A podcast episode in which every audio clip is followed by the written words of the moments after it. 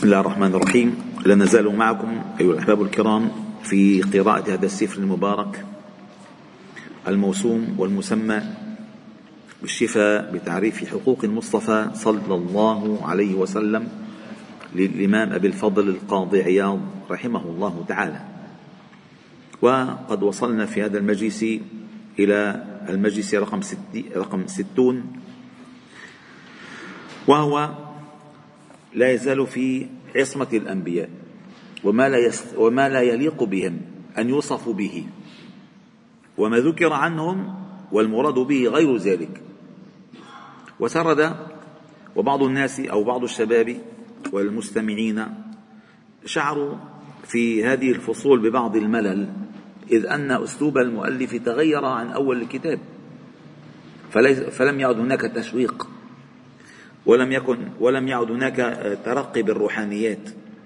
ولكن شيء لابد منه حتى توضح الشبه حتى تدفع هذه المسائل. الآن سينتقل إلى ما ذكر عن الأنبياء. قال وأما قصة كلمات إبراهيم عليه السلام المذكورة في الحديث أنها كذباته الثلاثة أو الثلاث المنصوصة في القرآن منها اثنتان قوله إني سقيم وقوله قالوا أأنت فعلت هذا بآليتنا يا إبراهيم؟ قال بل فعله كبيرهم هذا. وقوله للملك عن زوجته إنها أختي. وهذه في حديث الشفاعة الكبرى. لما ذهب الناس إلى آدم ثم ذهبوا إلى نوح ثم ذهبوا إلى إبراهيم فقال إني كذبتك ثلاث كذبات اذهبوا إلى غيري. هلا قد يرد للخاطر لأول وهلة أنها كذبة لكن ليست كذبة. كل كذب يكون على غير الحقيقة. وما أرد الكذب ورد التمويه والتعريض والصدمة في نفوس الناس. وسنرى تأويل ذلك في سياق الحديث. أو في سياق الكلام. فاعلم أكرمك الله أن هذه كلها خارجة عن الكذب لا في القصد ولا في غيره وهي داخلة في باب المعارض والتي فيها مندوحة عن الكذب. ورد في بعض الأحاديث إن لمن المعاريض مندوحة عن الكذب. إن من المعاريض لمندوحة عن الكذب أي مندوحة يعني فصحى بتعرض قال وأما قوله تعالى إني سقيم. هو ما كان مريض. المرض الذي أول ما تسمع أنه سقيم هو ما كان مريض يعني ما ارتفع حرارته. ولا عم يوجع بطنه. قال أما قوله إني سقيم فقال الحسن وغيره معناه سأسقم أي إن أي إن كل مخلوق معرض لذلك. فاعتذر لقوم الخروج معهم إلى عيدهم بهذا. إذا أنا معرض للمرض. هذا على وجه. وقيل بل سقيم بما قدر عليه من الموت. وقيل سقيم القلب بما أشاهده من كفركم وعنادكم. وقيل بل كانت الحمى تأخذه عند طلوع نجم معلوم فلما رآه قال هذا فاعتذر بعادته. وكل هذا ليس فيه كذب بل هو خبر صحيح صحيح صدق.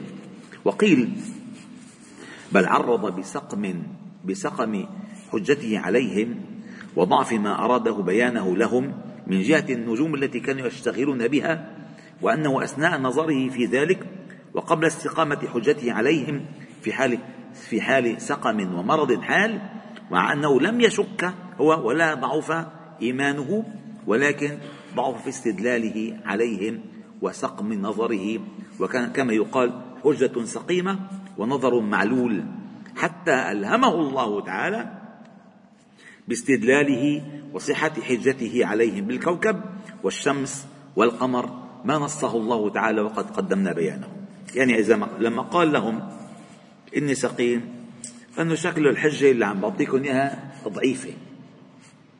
ففعل هذا الفعل فألامه الله الحجة التي قال الله تعالى عنها وتلك حجتنا آتيناها إبراهيم على قومه.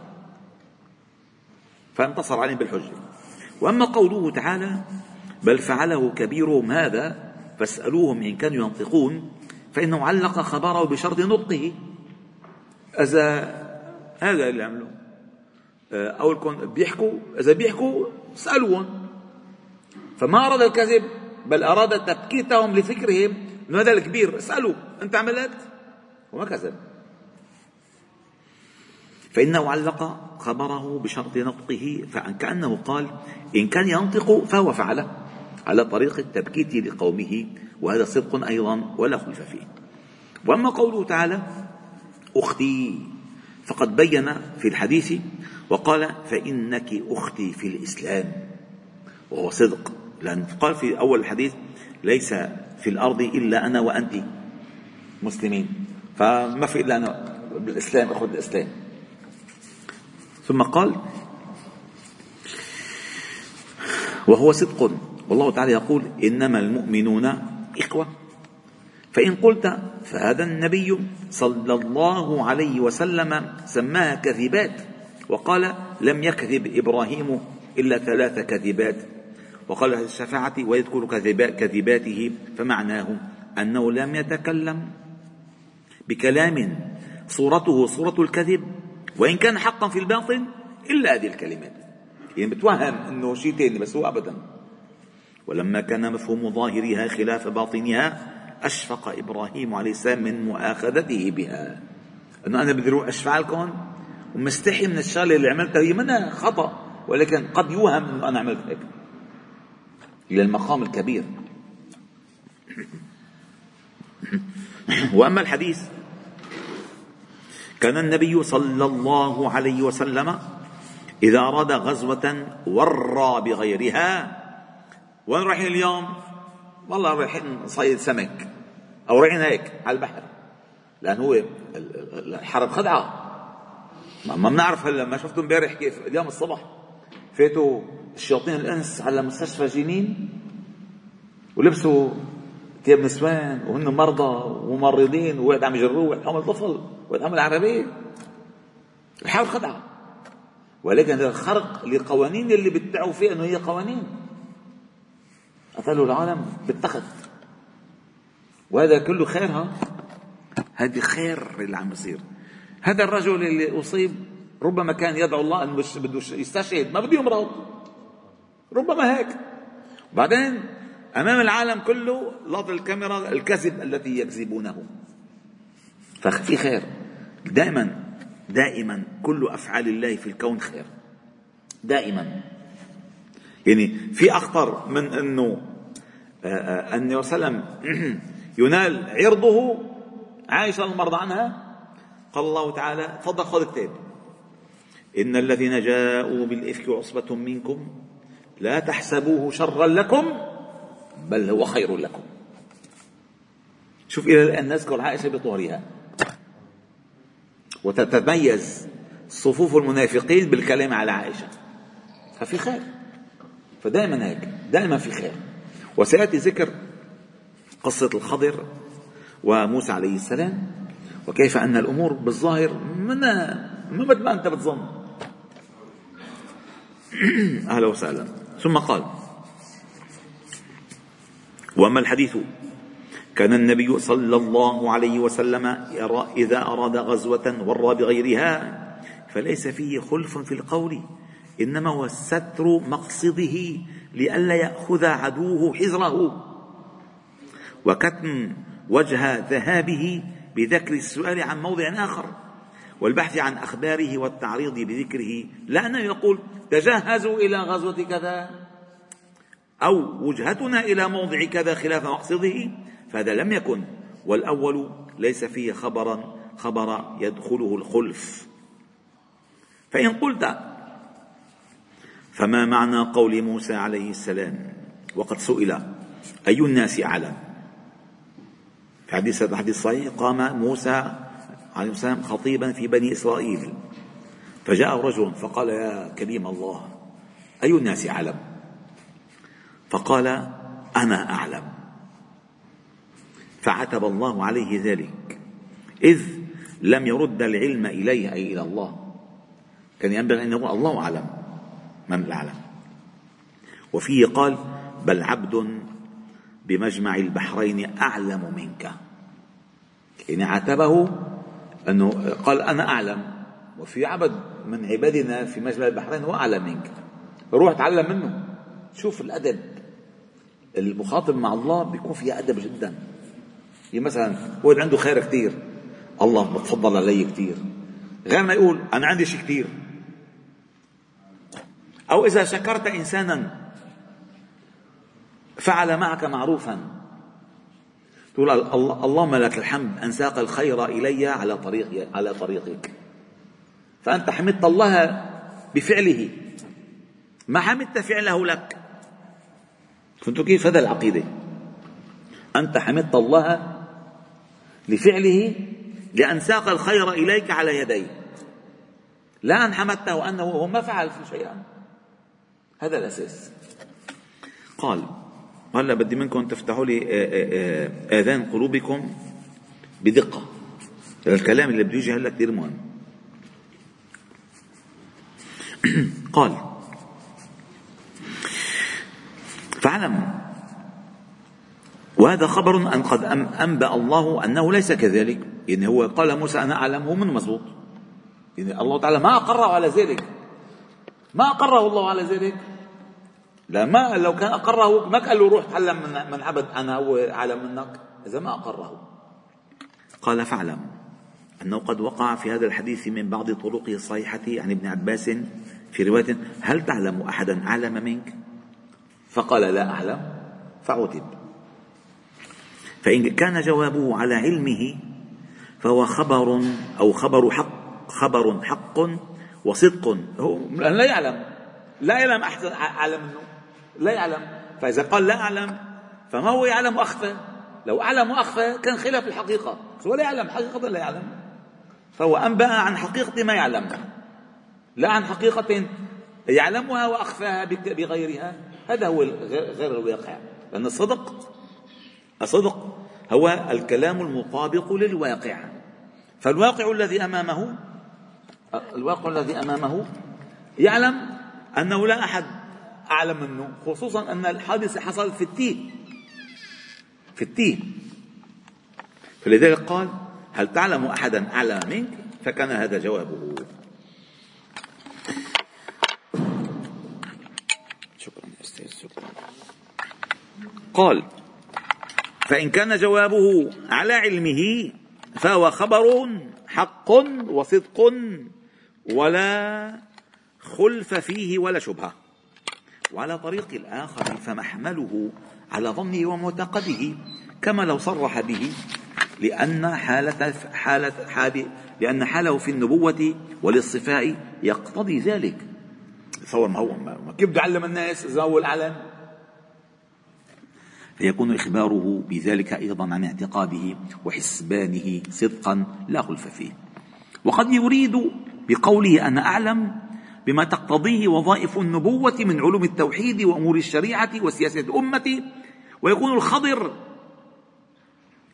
أعلم منه بأمور أخر مما لا يعلمه أحد إلا بإعلام الله إعلام الله من علوم غيبه كالقصص المذكورة في خبرهما.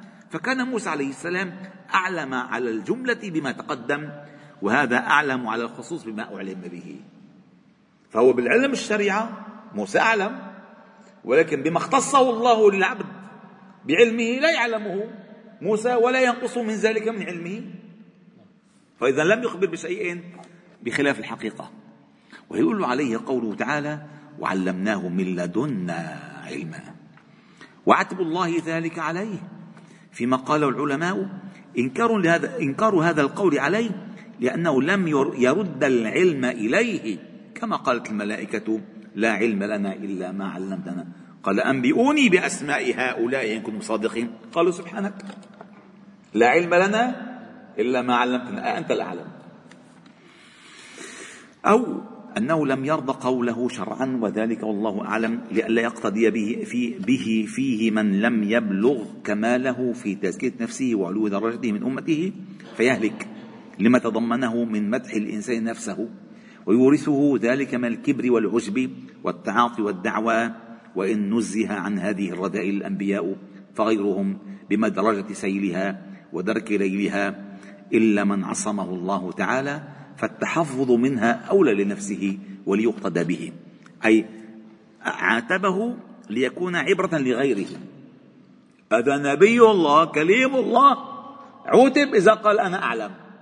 فما بالك بأحوالنا لا أعلم في هذه البلد من هو أعلم مني. أعوذ بالله. قد يأتي قد مر ابن عباس الله مرضى عنه كان يقرأ آية في سورة آل عمران.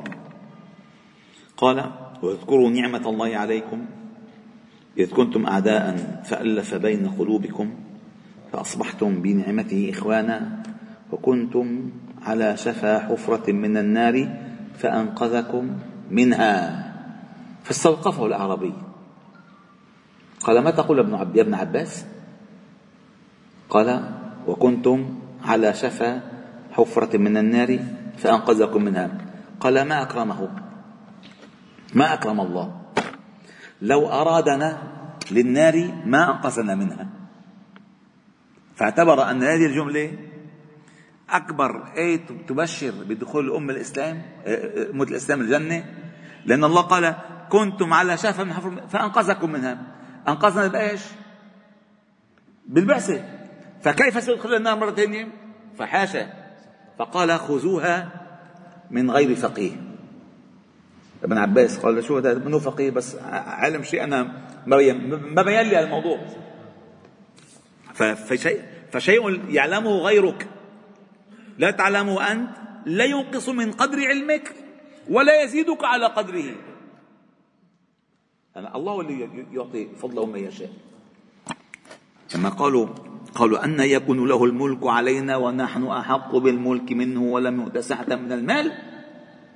قال إن الله اصطفاه عليكم وزاده بسطة في العلم والجسم والله يؤتي ملكه من يشاء. فقال لذلك قال عليه السلام تحفظا من مثل هذا مما قد أعلم به أنا سيد ولد آدم ولا فخر. أي لا أقول فخرا. أقول تواضعا وحكاية عن الواقع. وهذا الحديث إحدى حجج القائلين بنبوة الخضر عليه السلام لقوله فيه أنا أعلم من موسى ولا يكون الولي أعلم من النبي. حاشا. عند بعض الفرق الضالة أن الإمام أن الإمام أعلم وأعلى درجة من النبوة.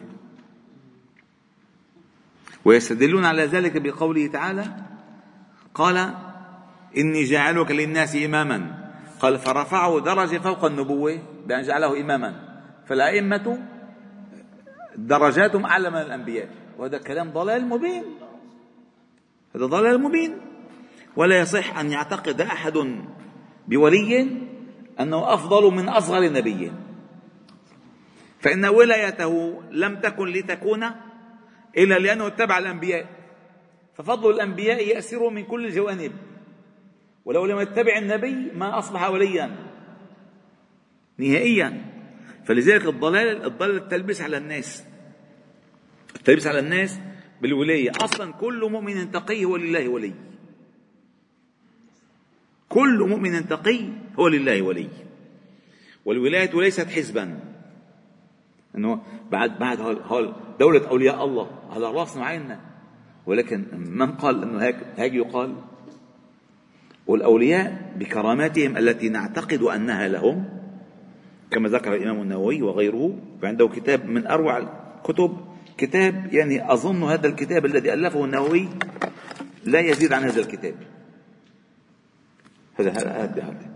يعني بيطلع يمكن يا 30 صفحة بهالحجم اسمه بستان العارفين. بستان العارفين. يذكر فيه أحوال الأولياء. فمما ذكره في هذا الكتاب أو أنه لو دخل إنسان بستانا لو دخل إنسان بستانا وهو في هذا البستان كلما مر على شجر أو حجر أو مدر ناداه. يا عبد الله أنت ولي الله. ودخل على ذلك ودخل ذلك على قلبه فليعلم أنه هلك يعني مثلا كيف دخل؟ شفتوا ال ال كل الأشياء تقر بولايته وأنتم عم تقدروا أدري. فلأنه استدرج وقد هلك. وقال بعضهم إن الأولياء أحرص على إخفاء كراماتهم من إخفاء النساء عدد أيام حيضتهم. أنه موجودة بس بيخفوها. وأنا بعمل هيك وأنا عملت هيك وصار معي هيك. لا يخفون ذلك لأنه كرم من الله. فإذا ولا يكون الولي أعلم من النبي بل النبي أعلم من الولي. وأما الأنبياء فيتفاضلون في المعارف. وما فعلته عن أمري قوله تعالى أي فدل على أنه بوحي ومن قال إنه ليس بنبي قال يحتمل أن يكون فعله بأمر نبي آخر. وهذا يضعف لأنه ما علمنا أنه كان في زمن موسى السلام نبي غيره إلا أخاه هارون وما نقل أحد من أهل الأخبار في ذلك شيئا يعول عليه. وإذ وإذا وإذا جعلنا أعلم منك ليس على العموم وإنما هو على الخصوص في قضايا معينة لم يحتج إلى إثبات نبوة الخضر. ولهذا قال بعض الشيوخ كان موسى أعلم من الخضر فيما أخذ عن الله والخضر أعلم بما دفع إليه من الله من موسى. وقال آخر إنما ألجئ موسى إلى الخضر للتأديب لا للتعليم. وهذا من أجمل الكلام. إنما ألجئ موسى إلى الخضر للتأديب لا للتعليم لأنه حاشا أن يوحي الله تعالى إليه ويشعره أنه نقص لك شغلات. حاشا ولكن للتأديب لأن المدار الذي يسير فيه العبد الصالح في إجرائه أحكام الله في الناس غير المدار الذي يسير فيه موسى عليه السلام في إظهار أحكام الله تعالى للناس.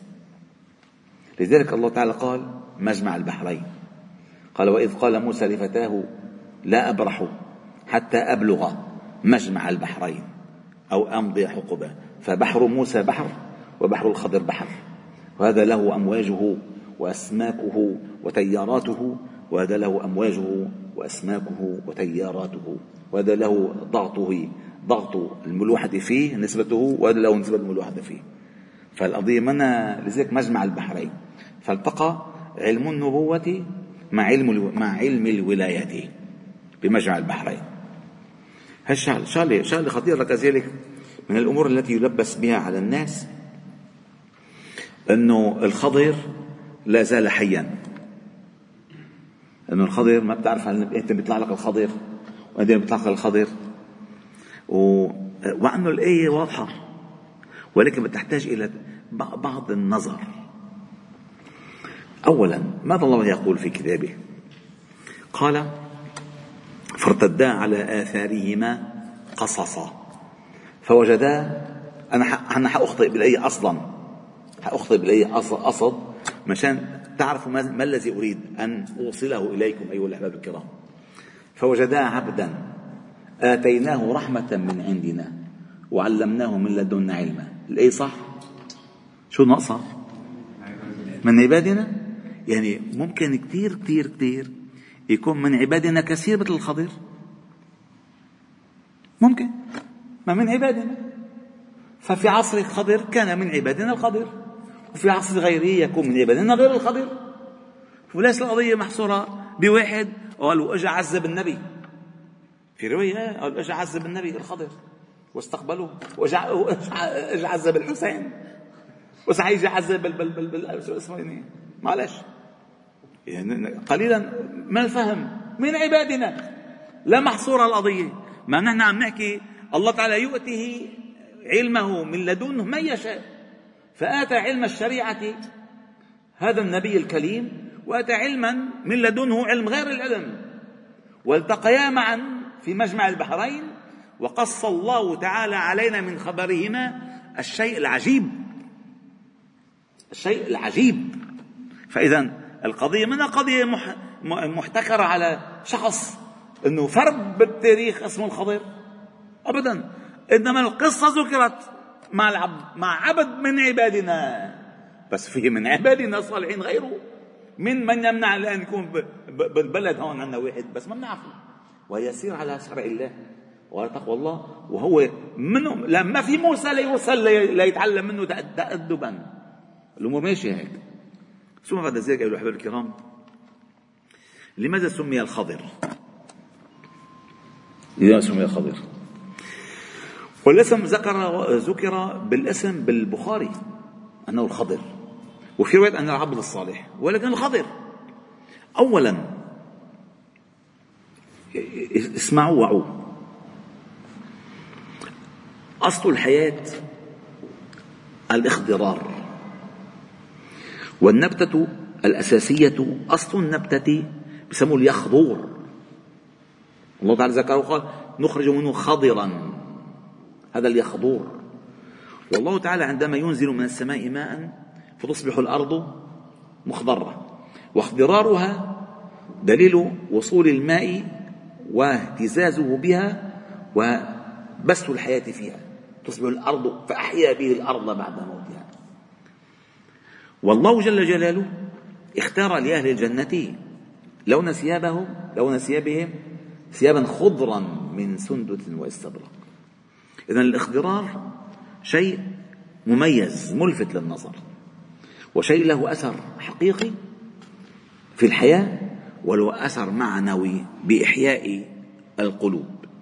ورد في قصص في قصص الخضر مما ذكر أن الخضر كان لا يجلس في مكان إلا واخضر حوله. فعندما يقوم ما يكون فيه لأنه لما جلس في ذكر ودعاء وابتهال وتضرع ودائما الأرض تسر بالذكر وتساء بالمعصية. فعندما يذهب منها يستدل أن الخضر كان هنا باخضرار الأرض فسمي الخضر. ما المعنى؟ المعنى الأقوى وهذا هذا هذا اللي بيهمنا ممكن كل واحد منكم يكون خضر كيف ذلك؟ إذا أخذ دين الله بالجد وبلغ وحي الله بالصدق فحيث ما حل ترك بصمة حياة. حيث ما كان. إن ترك ترك بصمة دين. والناس عاشوا الحياة أي دينية. فأحيا قلوبهم بالإسلام. فكما أن الأرض إذا نزل الله عليها الماء فتحيا بالاخضرار وهذا الرجل إذا كان في مكان وجلس فيه تحيا بالدين. فممكن كل إنسان منكم يكون العبد الصالح. ما نحصر ما نضيق الواسع؟ قال فوجدا عبدا من عبادنا. ما قال وجد عبدا آتيناه؟ ما في إلا هو. من عبادنا. آتيناه رحمة من عندنا. وعلمناه من لدنا. علما. ثم قال وقال آخر إنما ألجئ موسى إلى الخضر للتأديب لا للتعليم. ولقصة الخضر مع موسى عليه السلام آه، يعني آه، آفاق ضخمة في فهم في فهم علم القدر. والذي نحن لا نفهمه لا نفهمه. وربما لم يفتح لنا إلا باب الإيمان به لا باب علم تفصيلاته. نحن نؤمن بالقدر خيره وشره من الله. أما تفصيل القدر لا يعلم لأن القدر لا يعلم إلا بعد وقوعه. أنت تؤمن بالقدر فعندما يقع تؤمن. الله أنت تفكر والله يدبر. أنت بتخطط والله يقضي. فلا تعمل شيئا. ويقضي الله بما يشاء عنده في الأزل. أنت بتفكر شغلة واعلموا أن الله يحول بين المرء وقلبه. أنا هيك مرتب كيف صار هيك؟ كيف صار؟ ما أنت لا تقدر. أنت بتفكر. أما الله هو الذي يدبر والله هو الذي يقدر الله الذي يقضي أنت لا تقضي أنت لا تقدر أنت لا تدري المآلات. لو لا قتلت نفسا بغير نفس أخلقتها لتغرق أهلها. لو شئت لاتخذت عليه هجرة لك ما طعمونا كحشونا من الضيعة وأنت طالع لقيته عم يوقع على الحياة ركضته وسندته ورتبته. وكل إنكارات موسى معه حق فيها بما شاهده. ولكن لما قال له قال ذلك تأويل ما لم تستطع عليه صبرا أي قدرا. وما فعلته عن أمري قدرا. قال رحمة من ربك وما فعلت عن أمري. ذلك تأويل ما لم تستطع عليه صبرا. والحمد لله رب العالمين. سبحانه وبحمده نشهد أن لا إله إلا أنت. نستغفرك إليك وصلي وسلم وبارك على محمد وعلى آله وصحبه الحمد لله رب العالمين.